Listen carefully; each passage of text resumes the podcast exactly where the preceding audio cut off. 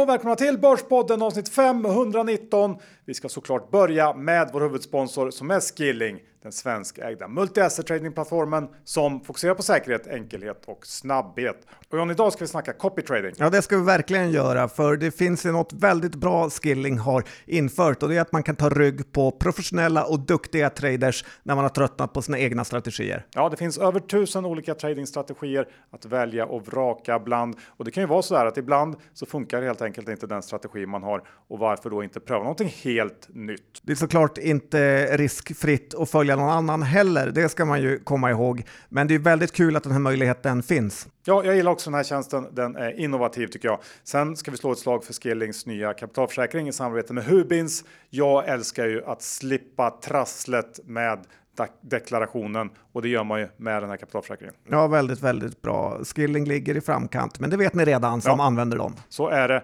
Eh, man kan läsa allt om den här kapitalförsäkringen i länken som ligger i avsnittsbeskrivningen. In och gör det tycker jag. Men kom ihåg att 76 av retailkunder förlorar pengar när de handlar CFD så bögskilling.com för en fullständig ansvarsfri skrivning. Och eh, öppna ett konto om ni inte redan har gjort det. Det är väldigt enkelt. Krävs ett bank-id och att man surfar in på hemsidan eller laddar ner appen och sen är man igång. Mycket, mycket bra sagt och jag tycker ni ska göra det allihopa som inte har ett konto. Ja. Stort tack säger vi till Skilling. Så där John, Börspodden har öppnat upp portarna till den legendariska studion igen. Odenplan. Ja. Ja, det inverterade Dreamteamet är återförenat eh, här nere i eh, Börspodden-studion. Det ska bli kul att podda på riktigt igen, inte på distans och inga sommarpoddar. Vi tackar dem för att de ställde upp. Det var ju en hit rakt igenom. Det var det, får man säga. Men nu är det du och jag. Nu är det bara du och jag, igen, ensamma mot världen. Johan, Dr. Bass Isaksson Index är i 2244. Det har väl egentligen inte tagit eh, fart åt något håll här under sommaren, utan slagit lite framåt eh, tillbaka. Ja, så kan man säga att det är. Och vi har ju, kan man väl säga, merparten av rapportperioden bakom oss. Eh, om man ska sammanfatta den väldigt, väldigt kort så tycker jag att Eh, det börjar sakta in ser man i rapporterna, men samtidigt så rullar det faktiskt på ganska bra ändå i de flesta bolagen. Men det kanske mest intressanta, du pratade lite om vad som hänt i index här. Eh, det kanske mest intressanta tycker jag som hänt på börsen den senaste månaden har faktiskt inte med rapporterna att göra, utan jag tänker istället i banor av storbolag versus småbolag.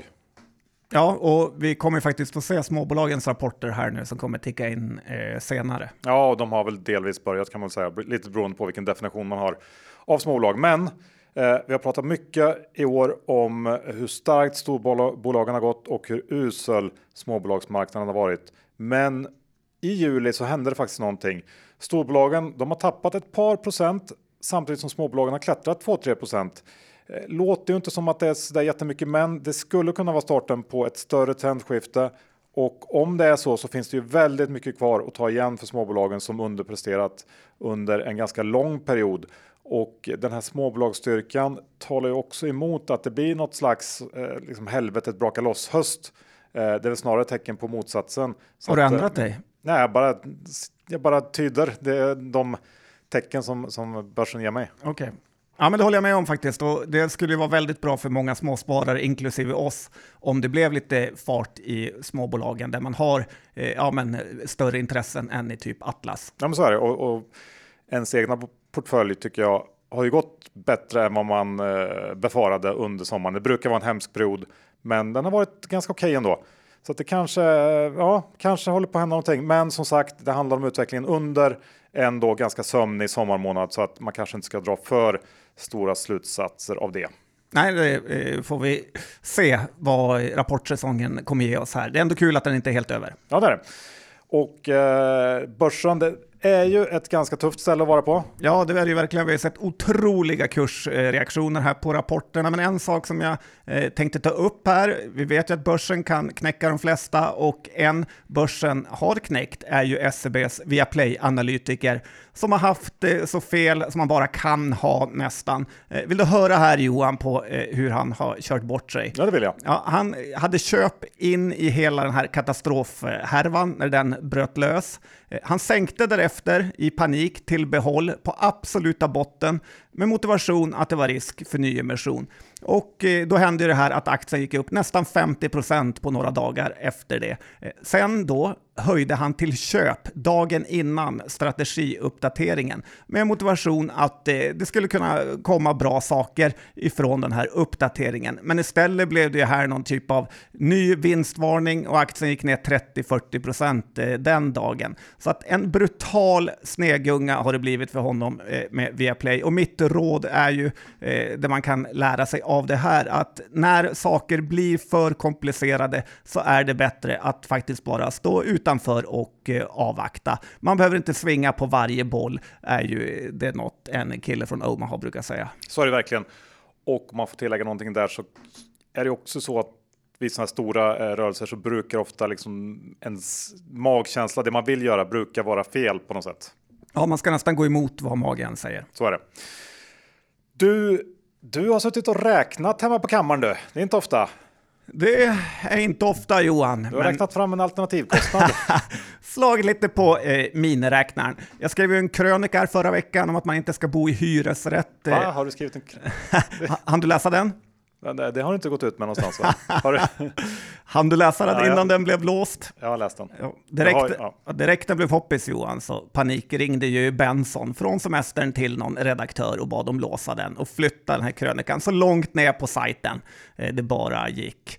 Eh, nej, så var det inte riktigt. Jag tänkte just på, eh, något som är lite roligt är att titta på alternativkostnaden på att bo just nu. Och eh, då tänkte jag lite på min egen situation.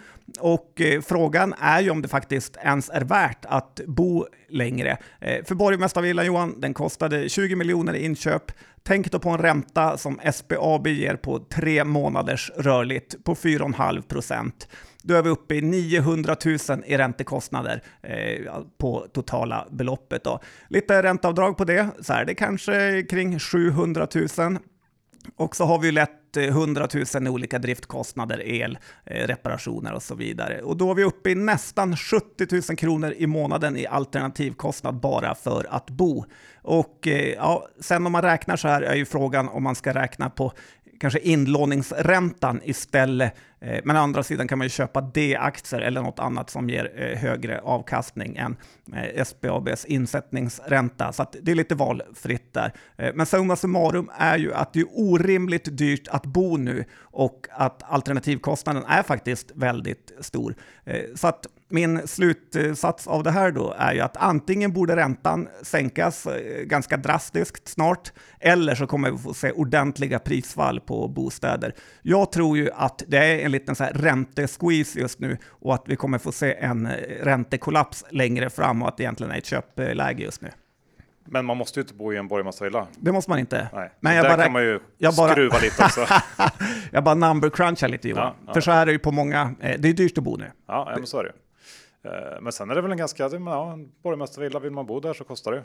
Det kostar det så smakar det var det någon som sa. Hyra motsvarande är väl ungefär samma pris då antar jag. Kanske, kanske. Ja, ja nej, men visst, jag håller med. Det är dyrt och eh, någonstans så måste det väl ge vika. Priser eller räntor. Får se. Ja, beror på vad man tror. först. Ja. Um, jag tänkte gå tillbaka till det här med, med om det nu pågår ett någon slags trendskifte på börsen som jag pratade om med stigande riskaptit och så vidare så vore det kanske inte så konstigt om det sammanföll med början på slutet för Viceroy, du vet blanka firman. Ja, med Fraser Paring. Ja, den ganska osympatiska Fraser Paring va, får man ändå säga. Ja, han är inte krispig. Läste du eh, Madeleine Lundbergs intervju i det med honom? Jajebox. Tyckte den var ganska intressant faktiskt. Ja, det var det. Mm. Eh, den var ju här i, i det för några veckor sedan och eh, jag reagerade på Fraser Parings story om hur allting började. Du läste det? Att han efter då 20 år som socialsekreterare så fick han, spark så fick han sparken. Sen träffar han en mystisk. Han känns ju rätt dålig som socialsekreterare. ond eh, socialsekreterare. ond. Ja. Han mådde bra när det gick dåligt för klienterna. Ja. I alla fall, strax efteråt så träffade han... Du är aldrig för ung för att börja röka, körde han. Nej, sådana tips ja. En mystisk miljardär på en tågresa. För miljardärens flygplan hade gått sönder så han måste åka tåg då från den här, landat på någon flygplats och var tvungen att ta tåget. Rimligt. Ja, och under den här tågresan så blir Fraser erbjuden 10 000 pund av miljardären för att skriva en rapport om ett bolag. Och nu några år senare så är han Det är ändå mycket, det är liksom 140 000 kronor. Ja, men det är ju. Hade han inte kunnat hitta på någonting bättre som backstory för att det finns ju ingenting i den här storyn som går att tro på. Han känns lite som en bluff eh, rakt igenom. Ja, det är som en sån sinnessjuk lögn. Och det gör ju också att det blir ju ganska uppenbart att Viceroy är väl bara en front för andras intressen, tänker jag. Eh, jag gillar ju blankare generellt, men har väldigt svårt för den här grejen. Alltså att det verkar vara någon som inte vill synas som egentligen står bakom de här analyserna som publiceras. Kan ju såklart ha helt fel om det, men det är ju verkligen min känsla eh, efter att ha läst den här intervjun. Och när det gäller bolagen som de attackerat så får man väl man får ju lyfta på hatten för SBB, där var de helt rätt ute. Men efter det så har det väl egentligen inte varit så många rätt. Ingenting av det de eh, påstod om Truecaller har stämt och den här senaste Hexagon-attacken tycker jag mest känns eh, löjlig faktiskt. Och lite känns det också som att eh, de läcker ut innan till nära och kära att eh, de kommer släppa någon typ av rapport. För att Hexagon hade ju fallit många, många dagar innan det här och när de väl släppte blanka rapporten så gick aktien upp eh, till en början för att de börjar ta in sina aktier. Då. Så det är mycket, mycket eh, fiffel och båg här. Storfinansen kommer undan än en gång. EBM och FI fattar ingenting. Nej, precis så. Lite eh, mystiskt där. Men, men, eh, För hur kan aktien gå upp när man släpper blanka rapporten? Det är så otroligt uppenbart att, eh, och så har det varit varje gång, det är så otroligt uppenbart att eh, det är många som vet om det här och tar in aktierna när själva rapporten släpps. Absolut. Och på Avanza John, om vi går över dit. Ja, där är också dålig stämning. Kikar in lite grann. Ja, under huven. Det är sura miner där mot eh, investeraren Niklas, eh, som han fick lämna på dagen här efter att han sagt upp sig för att gå till Carnegie. Eh, men trots att han fortfarande får betalt av Avanza så twittrar han numera under Carnegies namn, vilket många på Avanza tycker är ganska illojalt. Och ja, de har vänt sig lite mot honom där. Så att, ja, tråkigt att höra lite Judas-stämning. Ja, han var ju en av the good guys och nu har han blivit, drivs bara av pengar. Ja, så kan det vara. Som alla, eh, till skillnad från alla andra i finansbranschen. Precis. Ska man väl kanske lägga till. Du, jag tänkte höja stämningen lite. Kasta in idén till ett bud, eh, en budspekulation här. Vad säger du om det? Blir du sugen? Det blir alltid. Vattnas i munnen. Ja, det är inte jätteofta man är med på bud, så jag vill eh, gärna höra något som jag kan tjäna en hacka på. Ja, men jag tänker så här. Storytel. Nu rapporterar de idag också. Eh, går upp en del på de siffrorna. Eh, men jag baserar det här på eh, lite andra grejer som jag snappat upp sista månaden på semestern. Ja, redan känner jag en besvikelse. Jag trodde det skulle vara något fräschare. Det här tycker jag ändå att jag har hört. Säg inte att Spotify ska köpa Storytel. Ja, men, du, får, du får liksom ta det lugnt. Okej. Okay. Det kan ju vara för att jag har pratat om det här på kontoret bara sista igår. Eller ja, eller att jag tänkte. Och var väl ändå jag som gav dem AI-idén med olika rester. Ja, gav du dem det? Ja, det gjorde jag. Okay. Mm. Ja, De tog inte den, vara på det. Har man den världssynen så är det svårt att eh, liksom överraska positivt kanske. Få höra. Nej, så här, I samband med eh, Spotifys rapportpresentation för en dryg vecka sedan så pratade ju Daniel Ek om att ljudböcker kommer att bli väldigt stort för Spotify och att det är nästa stora grej för dem. Eh, vilket jag tyckte var lite intressant. De har inte varit så sugna på ljudböcker innan, men nu öppnar han verkligen upp för det. Såg du det? Ja, och eh, det här är väl ändå jag pratat om som ett litet hot mot eh, Storytel. Och med AI så, och de kan, själv kan läsa in böckerna så skulle det kunna vara väldigt bra för Spotify i och med de här lokala marknaderna som varit ett problem för många. Ja, och man som Spotify-kund skulle känna ändå att det adderar lite värde att kunna lyssna på ljudböcker också, såklart. Verkligen. Ja. Det finns ju redan till viss del ljudböcker på eh, Spotify. Ja, men det känns som en pyttedel ja. så. Mm. Så det, det är typ någonting man ska i... satsa på helt enkelt. Ja. Och andra grejen, det är ju då eh, det här som kom ut för några veckor sedan att EQT, de meddelar ju att deras väldigt misslyckade public value-fond ska läggas ner. Och vem är största ägare i Storytel? Ja, det är EQT. Ja, det är deras misslyckade public value-fond. Och tittar man på ägarsidan i övrigt så är det ju egentligen, ja det är grundaren Jonas Tillander som har runt 10% men sen så är det ett ganska ägarlöst bolag som har då mängder av småsparare. Jag tror det är runt ja, 22, 23, 24, 25 000 på Avanza bara. Eh, och merparten av dem ligger antagligen ganska rejält back. De skulle nog vara eh, ganska nöjda med att komma ut ur eh, Storytel med en hyfsad premie. Och om nu Ek då menar allvar med att ljudböcker är nästa stora grej för Spotify så är det väl ett ganska bra tillfälle att plocka upp det här bolaget till en relativt då billig peng. Eh, Storytel har ju dragit ner på tillväxttakten, eh, fokuserar numera på lönsamhet och ledningen säger att kassan ska räcka tills man blir helt kassaflödespositiva. Eh, jag känner ändå att det finns inte riktigt någon garanti för det, speciellt inte Eh, givet att vi ändå går fortfarande mot sämre tider och har ett tufft makroklimat. Eh, och jag tror inte att särskilt många ägare skulle vilja tvingas stoppa in ännu mer pengar i Storytel. Så att jag tycker väldigt mycket pekar på, eller är upplagt i alla fall, för en försäljning. Sen om det blir Spotify vet jag inte, men eh, det känns som ett intressant eh, budobjekt ändå. Ja, lite kan ju Storytel också kanske ha gynnats av en hyfsat eh, regnig eh, sommar, att många har velat eh, ha något att göra. Eh, Sen tänker jag också att Spotify har varit väldigt noggranna med att allt ska vara i en app. Det är möjligt att det här öppnar upp för att de faktiskt kan ha fler än en app om de inte vill integrera allting. Det skulle vara intressant om Daniel Ek köpte det här och det skulle inte vara jättemycket pengar för dem. Nej, eller så är det där just det som är problemet. Jag vet inte om det är krångligt för dem. De vill inte hålla på och lägga in allting. Nej, det låter jättejobbigt. Ja. Två trötta killar vi vet ju ingenting om det. Men jag tänker också att det är eh, krångligare än man tror med ljudböcker i och med rättigheter och så vidare. Att det kan vara rätt skönt att köpa ett bolag som redan har allt eh, sånt klart än att själv börja göra upp med olika förlag hit och dit. Absolut, jag tänker också det. Ja, nog snackat om det. Och har du vi... köpt några aktier? Nej, har jag inte. Mm. Nej. Då kommer vara sur om budet kommer. Ja. Kanske BP-väskan ska köpa lite. Kanske, Put kanske. your money where your mouth is. Var ju bara en idé som sagt. Ja, man får ha sådana Johan. Ja, en tanke som luftades. Mm. Och jag känner nu att vi kanske kommer in på nästa ämne för att det snackas ju om en spricka mellan BP-grundarna. Ja, men så är det ju och det börjar bli ett större och större problem här att direkt jag skaffar kompisar så börjar du med någon typ av dissar-attack och dessutom... Någon typ av svartsjukegrej menar du? Ja, men du ger dig på deras bolag också. Jag får lite den här skamlös-känslan. Johan Rickard Olsson, är det du? Eh, direkt jag blev kompis med Johan Stene så är, säger du typ var tredje avsnitt eh, vilken sinnessjuk värdering Technion har. Technion har, du hånar Technioner, run far be nice, då skickar du liksom kräktecken. Eh, du säger att värderingen har lämnat atmosfären och gått in i stratmosfären och sådana eh, grejer. Och eh, sen, du vet ju också att jag är kompis med Johan Hagberg, största ägare på Note. Och du måste också hela, hela tiden eh, gå på Note och säga hur dyrt det är, att det är peak eh, vinst på peak P-tal och så vidare. Eh, toppvinster på toppmultiplar. Mm. Och sen senast så blev jag kompis med Paul Stormoen på Ox2. Och gud förbannat, skulle du direkt börja dissa dem?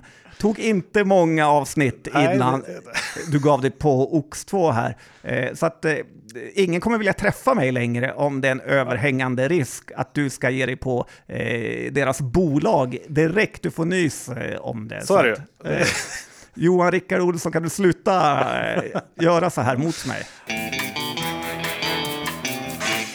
Vi har den vecka med oss vår exklusiva fondsponsor Fidelity. Rickard, man brukar ju säga sälja till sillen och köpa till kräftorna. Vad tror ni om marknadsutsikterna inför hösten? Ja, vi hade ju hoppats på en mjuklandning i ekonomin, men dessvärre ser den ut att vara borta. Eh, lågkonjunkturen kommer. Vi tror att det kommer att se det framförallt då i arbetslöshetssiffrorna. Och I USA så kan de komma att stiga faktiskt tror vi upp till 4,5 till 6,5 procent under de kommande månaderna. Och i Asien ser vi att man i till exempel Kina har ökat de ekonomiska stimulanserna och eventuellt så kommer mer på sikt. Och det här mycket då, då marknaden varit avvaktande i återhämtningen för den kinesiska ekonomin under de senaste månaderna. Går vi ner lite mer och tittar på bolagen så observerade vi här nu att våra analytiker att stämningen i många bolag försämrades under början av året. Men nu i juni så såg vi en uppgång i sentimentet, framförallt då drivet av att en eventuell härdsmälta i finanssektorn verkar ha avvärjts. Så det blir intressant att följa utvecklingen under hösten framöver. Vi ska också påminna om att investeringens värde kan minska och öka. Det kan hända att du inte får tillbaka det investerade kapitalet. Historisk avkastning är ingen tillförlitlig indikator för framtida resultat och åsikter uttryckta kan redan ha grätts på och inte längre gälla. Hänvisningar till specifika värdepapper ska inte tolkas som rekommendation att köpa eller sälja dessa värdepapper utan är endast inkluderade som illustration. Avkastning i tillväxtmarknader kan vara mer volatila än på mogna marknader. Vi säger stort tack till Fidelity International! John, det har hänt någonting på slutet. Vi var inne på det i första delen. Småbolagen har vaknat till liv och eh, ja, riskaptiten har väl kommit igång lite grann igen. Det har det verkligen gjort gjort. Eh, de svenska meme-stocksen har blivit galna. Eh, som vanligt är det aldrig samma aktier som går bananas, utan det letas hela tiden upp nya objekt här.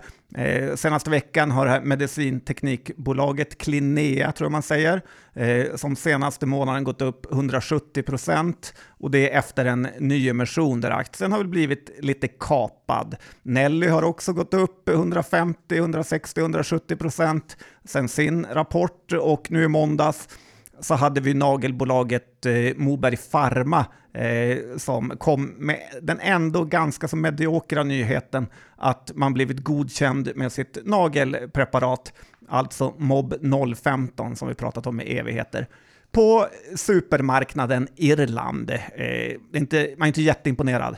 På den här nyheten har ju aktien alltså gått nästan 200 eh, procent. Så att eh, forumet Aktieraketer har ju verkligen vaknat till liv. Eh, men man ska ju veta att när man gör sånt här och tradar i såna här aktier så är det ju att leka med aktieelden.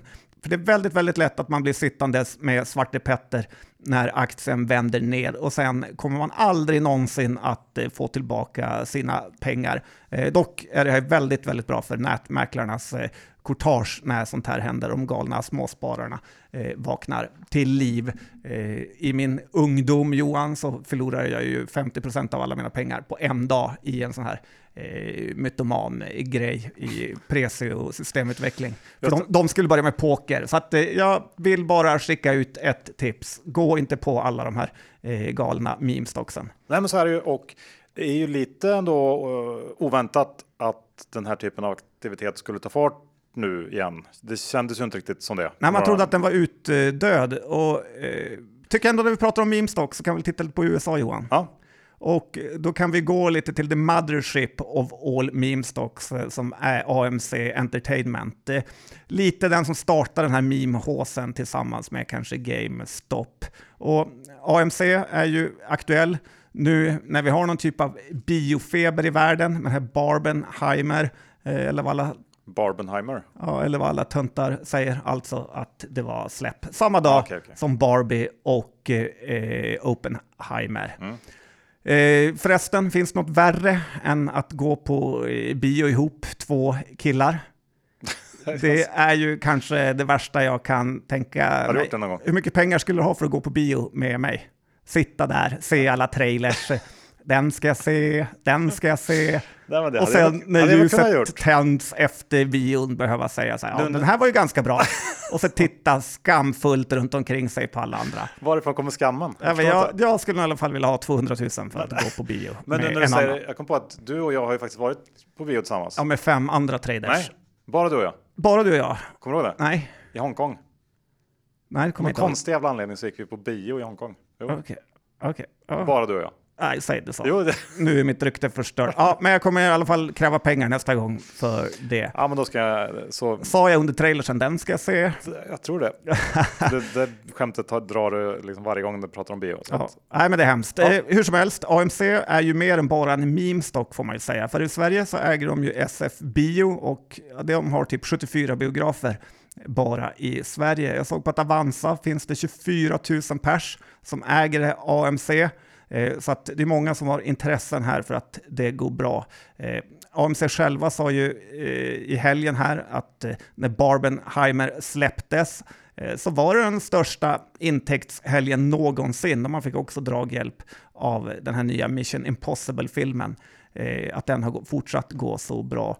Eh, så det låter ju bra för bolaget här, men tittar man på värderingen så blir man inte sugen. En bit över 4 miljarder dollar i börsvärde otroligt hög eh, skuldsättning. De här har inte gått med vinst på flera år.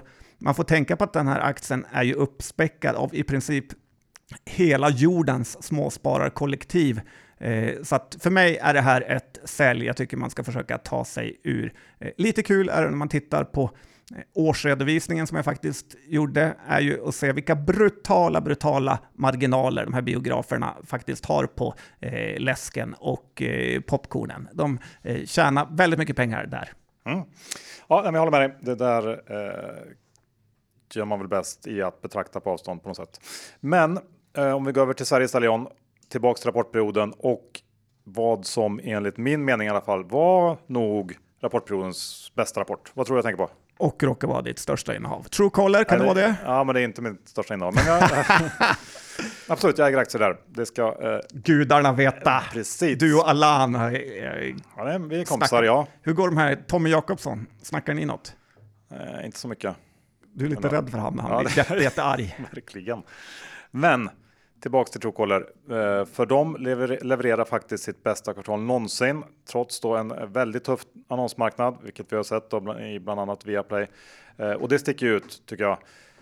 Och det de har lyckats väldigt bra med är ju att bibehålla lönsamheten trots då lite tuffare på intäktssidan. Truecaller har varit väldigt skickliga på att anpassa kostnaderna efter ett tuffare makroklimat och därmed då har man sett till att lönsamheten har skyddats. Eh, Trots då att de har dragit ner på kostnaden så har ändå användartillväxten börjat accelerera igen eh, och det har den gjort samtidigt som andelen användare som använder appen dagligen också nådde en ny all time high nivå här under kvartalet. Och det här är ju den viktiga delen.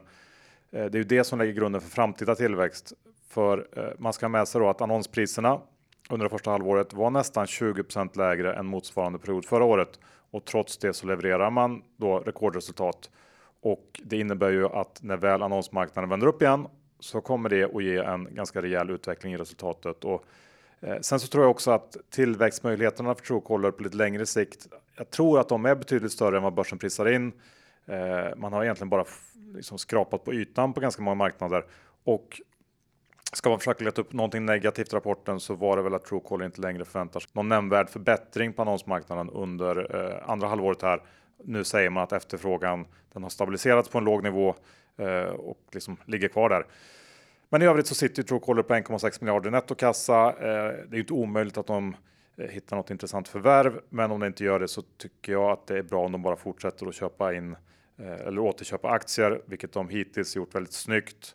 Eh, sen ska man väl också ta upp det här med ägarsituationen. Det är inte omöjligt att det dyker upp en lite större placing i närtid vi vet att det finns storägare i form av VC-bolag som ska ut och efter en ganska rejäl uppgång nu efter rapporten då så känns det väl som att eh, det är ett ganska bra läge för en sån att sälja. Ja, vi får tacka för Börspodden-portföljen att du tjatade in den där. Det var ju eh, väldigt bra för oss. Lite är orolig för eh, just det här att vi har sett det efter nästan varje bra rapport att aktien har tryckts ner Eh, och att säljarna bara har fortsatt trycka ut aktier och aktiekursen har gått ner. Möjligt att vi kan få se något liknande eh, nu igen. Eh, I övrigt Så är det, absolut.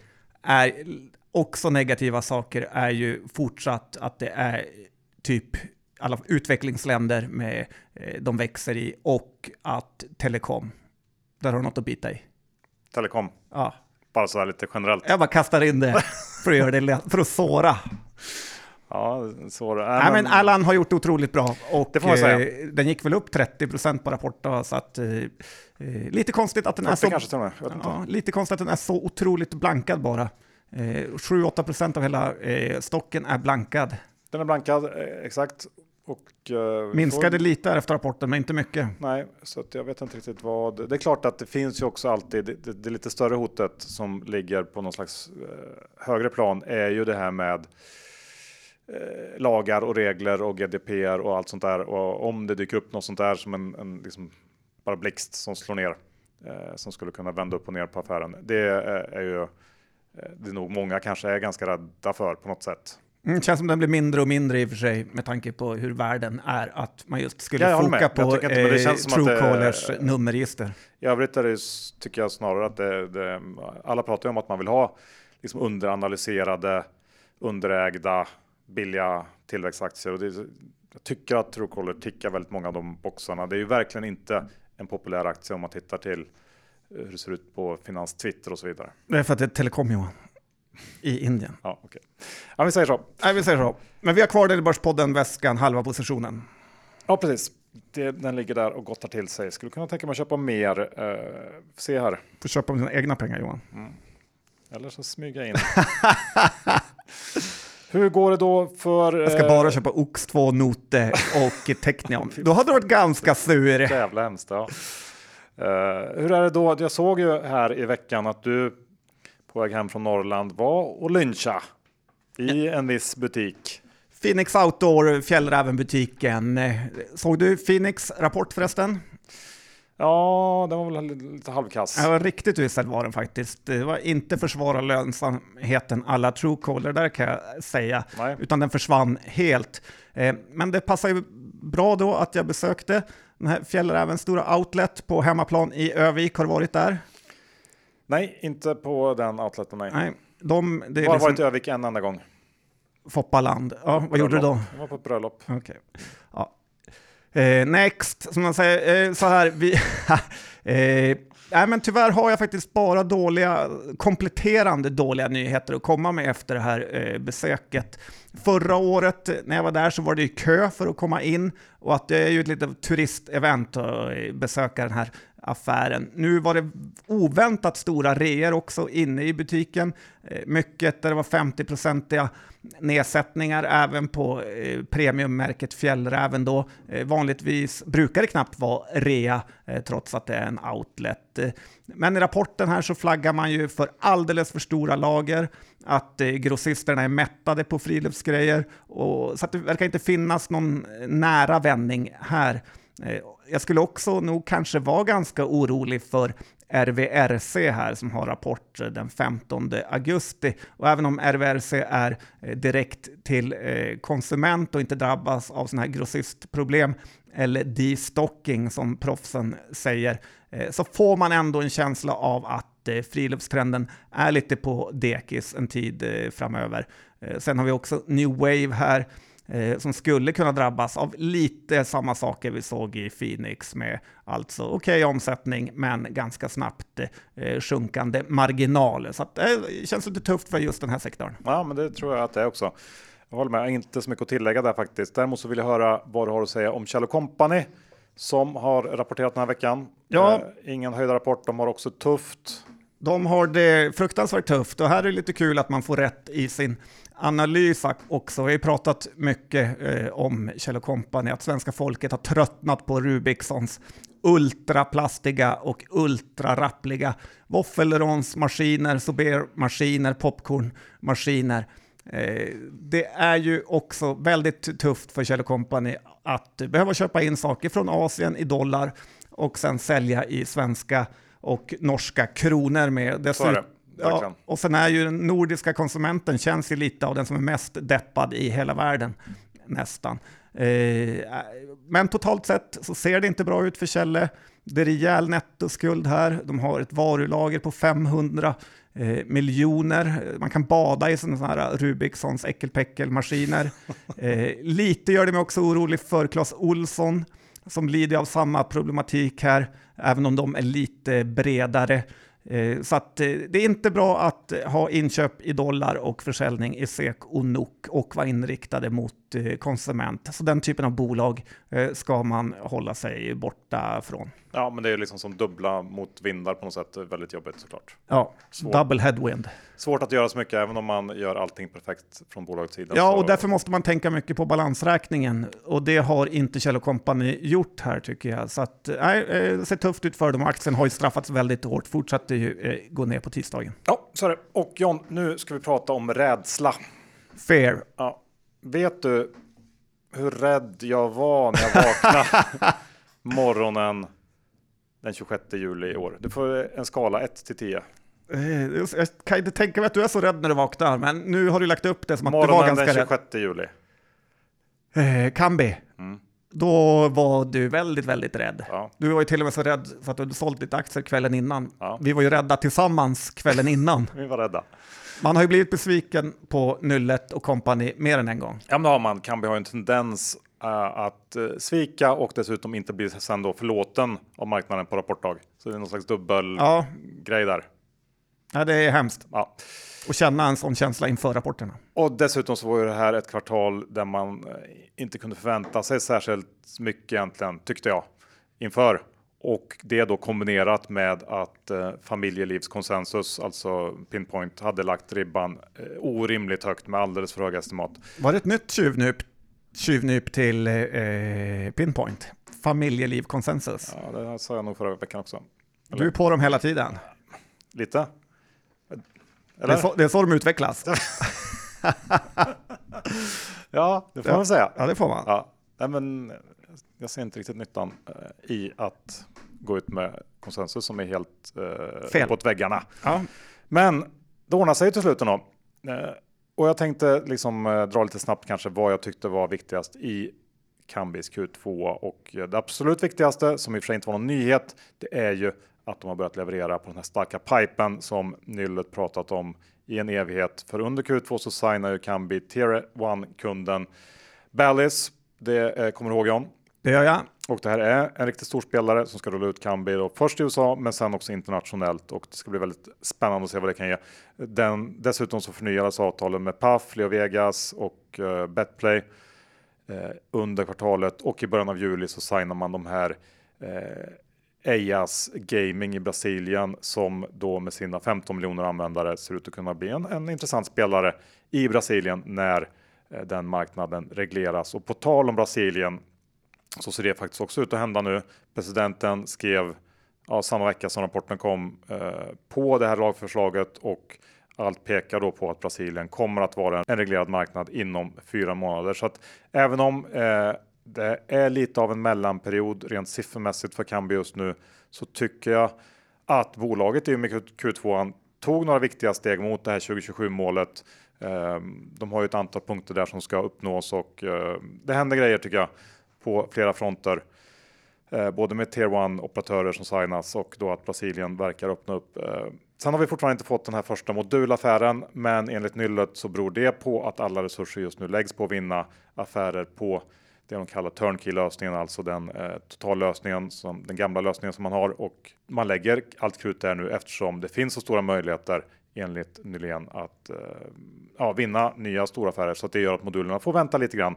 Eh, tycker jag också låter ändå ganska bra och givet det så borde Kambi kunna leverera en eller ett par kanske ny, till nya kunder under hösten. Eh, det skulle också vara väldigt välkommet. Och sen om man tittar på den negativa sidan så har vi ju Penn som försvinner från böckerna från och med Q3. Men då ska man ha med sig att Penn har gått fruktansvärt dåligt under ett antal kvartal nu. I Q2 var de ner 50 procent och um, dessutom så får Kambi en sån här transition fee på 3 miljoner euro per kvartal under de kommande fem kvartalen så att effekten av att de lämnar tror jag knappt kommer att synas faktiskt. Så att, eh, ändå en spännande höst tycker jag som Kambi går till mötes och eh, för första gången på länge så känner jag ändå att det går lite åt rätt håll på ganska många fronter. Ja, och det känns som att Kambi är väldigt bra på att skriva avtal. Lite eh, som att man måste ge dem pengar för att sluta använda dem. Ja. Arbetsrättsspecialisten. Ja, och när vi ändå snackar lite gaming så tänkte jag att vi kan ta Kindred och Evo faktiskt. Ja, småspararfavoriter och en under uppköp. ja, kanske. Kanske. Du tänker på Kindred då? Ja, känns inte så. Anders Ström sålde så mycket aktier. Nej, det känns ju inte riktigt så. Kickat vd. Det är mycket... För då får man tänka, tycker Anders Ström om pengar lite grann bara eller ganska mycket eller älskar han pengar? Jag tror han älskar pengar och eh, han... Eh, ja, jag vet inte. Han är inte med i bolaget. Det är svårt att veta vad han har för koll längre. Känns ändå som att han har hyfsad koll. Sådär lite generellt Ja, på men spel. då kanske han skulle ha sålt allt. kanske. Men vi kan lämna de spekulationerna åt sidan och bara konstatera att Kindreds Q2 den var väl ganska eh, odramatisk. Kom in inline eh, på topline och lite bättre på resultatsidan. Eh, sen som vanligt så går de ut och berättar hur inledningen på Q3 har varit och den tycker jag också var helt okej. upp 20% like for like. Såg lite konstigt ut när man tittar på siffrorna först, men eh, vad jag förstod så var det 20% like for like, vilket ju ändå är helt okej. Okay och sen så drar ju fotbollen och alla ligor igång här om ja, några veckor, va? Så att det Ja. blir bättre fart i slutet på Q3. Och det har varit några konstiga eh, år här med eh, uppehåll mitt i säsongen. Det här är väl första riktiga året som kommer vara helt normalt sedan pandemin i princip. Ja, precis så är det. Så det får man också ta hänsyn till. Men i övrigt så ligger som du sa marknadsfokus på ja, men uppköpet och den här strategiska översynen som Kindred är mitt uppe i. Eh, om den så berättar Kindred ing- ingenting alls egentligen.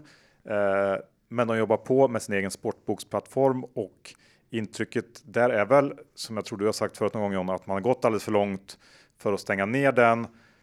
Och det skulle man väl kunna tänka är lite negativt ur någon slags bud eh, synvinkel. För det finns ju annars en hel del kostnader där som man skulle kunna ganska snabbt och enkelt kapa bort som budgivare.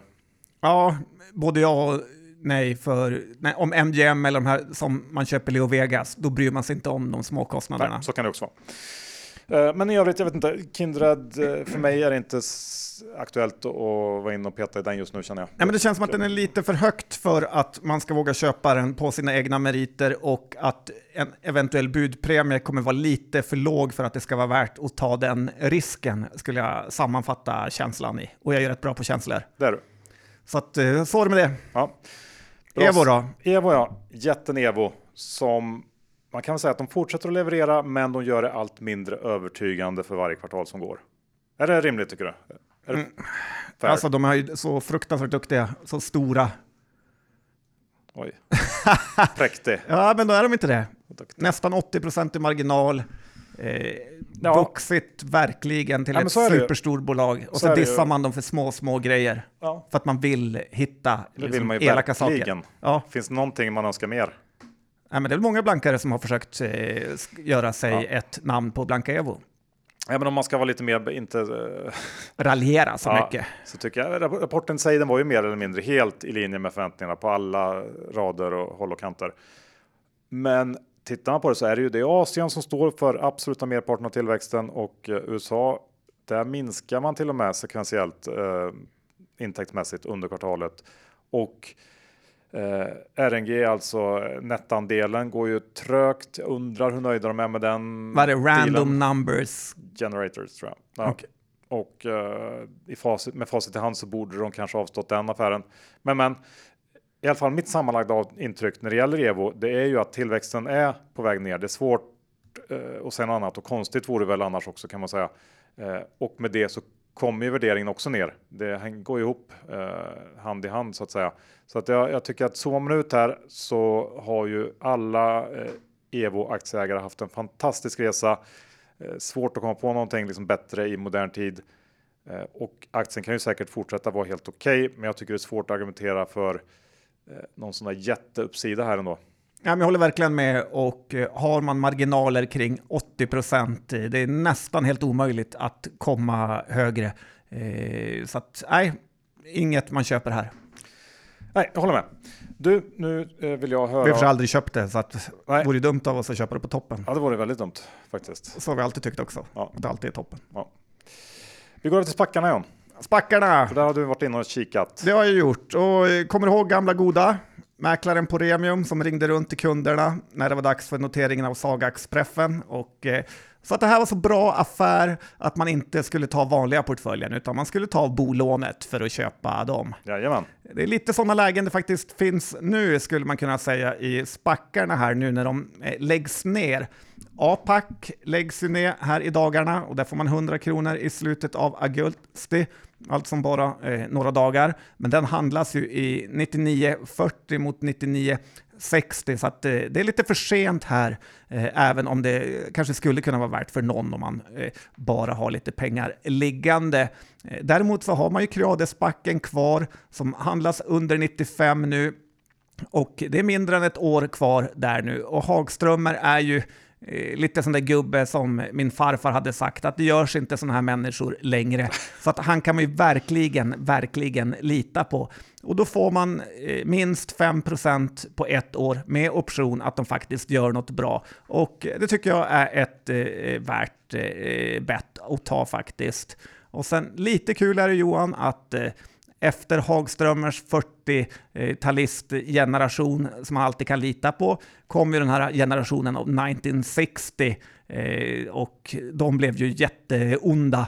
Eh, Christer Gardell, Conny Jonsson och Harald Mix, alla ja, födda 1960. Ja. Det måste ha hänt något i världen. Det är ingen tillfällighet. Nej. Nej. där vet de hur man skor sig kan man säga. Ja. 1960-talspojkarna. Ja. Sen kom vi. Sen kom vi något, eh, hur blev vi då? Det får vi se. Ja. Var du klar? Folklivsforskaren Jan. Ja. Nej, men vi har väl Telia, ska vi säga något om dem, Telekom? Ja, precis. Uh, vi kan väl säga... Vad är din take? Du tänker alltså då på att Ellison Kirkby, eller vad var det du kallade henne i tv? Uh, Kirk, Kirk Allison, Allison. riktigt, riktigt proffstyckare. Det är så jävla sjukt. Kirk är väl mer ett killnamn dessutom? Ja, bara helt självsäker. Trist att Kirk Ellison har gjort bort sig. Ja, uh, att Ellison Kirkby då lämnar Telia för att bli vd för brittiska BT Group. Uh, British och, Telecom. Ja, det var väl vad det hette innan. Men um, Allison kunde allt. ja, jag, jag, jag Wikipediade BT förut faktiskt och såg att det var formerly uh, British. Vad trodde du att det var först? Nej, men jag bara Okay. gjorde det för att, men nu heter de BT då. Ah, okay. Ja, så att de heter ju inte British Telecom. Nej. Det var därför jag var tvungen att rätta det. Mm. Uh, men Allison såg sig som, som någon slags frälsare när de kom från Tele2 uh, till Telia, det kommer du ihåg? Verkligen, det skulle styra upp det här. Ja. Aktien gick väl upp jättemycket när hon tog över. Ja, det gjorde den. Men det känns ju som att hon egentligen bara frälst sig själv, eller? Fått väldigt bra betalt. Extremt och nu går bra hon vidare betalt. och får mångdubbelt bättre betalt gissar jag på BT. Ja, det är ju nog eh, liksom amerikansk-brittiska löner, så att det är väl typ 100 miljoners eh, strecket. Lite tänker jag, så här, man kan ju inte blamea henne, eh, för det här är ett jättesteg uppåt i karriären. Mer konst, och hon är skotte dessutom, så att det är inga konstigheter att hon tog det och kanske flyttade hem. Nej. Däremot är det ju väldigt konstigt att hon ens fick det. För precis som du sa, eh, Tele2, när hon lämnade det, det hon har lämnat efter sig om man tittar på Tele2s aktiekurs, så är man ju inte direkt eh, imponerad. Eh, Det, TV4-köpet var inte hennes fel, för det gjordes ju av Dennerlid, hette han va, som var innan. Johan, ja. Ja, och, eh, eh, det, så det var inte hennes fel, men det är inte så att hon har gjort något spännande av det alls. Eh, sen har vi faktiskt inga telekomjättar i Sverige längre. Eh, Telia är ju nu värt 88 miljarder, det är inte mycket pengar. Det är typ så här småbolagsfonder i USA. Eh, Tele2 är värt 55 miljarder. Eh, då har ändå Telenor ett börsvärde i Norge på 155 miljarder, alltså större än både Telia och Tele2 tillsammans. Eh, och eh, Telenor är inte heller i närheten av de här eh, årslägsta aktiekurserna som våra svenska sopor har att eh, bjuda på. Så att eh, Nej, vi var ju lite inne och nosade på om man skulle köpa lite Telia-aktier, men det känns ju verkligen, det finns ingen ljusning i den här eh, sektorn. Jag vet inte, Christopher Barrett kanske har helt rätt där att man bara ska avstå den här typen av utilities för att det är svårt att differentiera sig. Det är lite sjukt att han med sina 220 miljarder kan köpa upp både Telia och eh, Tele2. Rätt kul om man gjorde det. Ja, Börja sälja, ba, sända bara Terminator på hela dagarna. regna tjejer på. Men jag tänker också bara en sista grej kring den här grejen. Är också, för det gick ju ändå får man säga bra för henne på Tele2. Det gjorde det. Eh, Hon var ju hyllad. Ja, Men det sätter väl lite grann fingret på att bara för att det går bra eh, på en post i ett bolag så behöver det inte innebära att det per automatik går lika bra i nästa bolag. Oftast gör det inte det. För att det är väldigt många olika faktorer som spelar in när det går bra eh, för ett bolag. så är det. Slut på avsnitt 500, vad är det? 19 va John? 519. 519. Fint nummer. Trodde man inte att man skulle hålla på med det här. 509. I, vad är du, 48 års ålder eller 42? Det är ingen som vet. det är ingen som vet. Mental. Ja. Ja, men kul eh, avsnitt. Ska vi tacka Skilling? Det ska vi göra. Vår huvudsponsor, öppna konto där om ni inte redan har gjort det. Men kom ihåg att 73% av retailkunder förlorar pengar om de har CFD, så ni på kom för fullständig ansvarsfri skrivning. Och John eh, innehav, vi har ju Kambi som vi pratade om. Ja, det har vi båda. I Sen På- hade jag eh, en aktie i ett bolag som gick ganska bra här under rapportperioden. Truecaller. Om man, vad heter det? ja, du är nöjd. Se. name. Ja. Grattis, Tack. bra gjort. Eh, Truecaller har vi i Börspodden-väskan också. Jajamän, Kambi också där. Ja, Nu är det nästan så att det kommer ut lite för mycket information om den lite mytomspunna och hemliga ja. Börspodden-väskan. Nej, men i övrigt har jag inget annat eh, bolag faktiskt. Nej, det är samma för mig och med de orden så tackar vi för att ni lyssnar den här veckan. Vi hörs om en vecka igen. Ha det så gott. Hej då! Det gör vi. Ha det bra.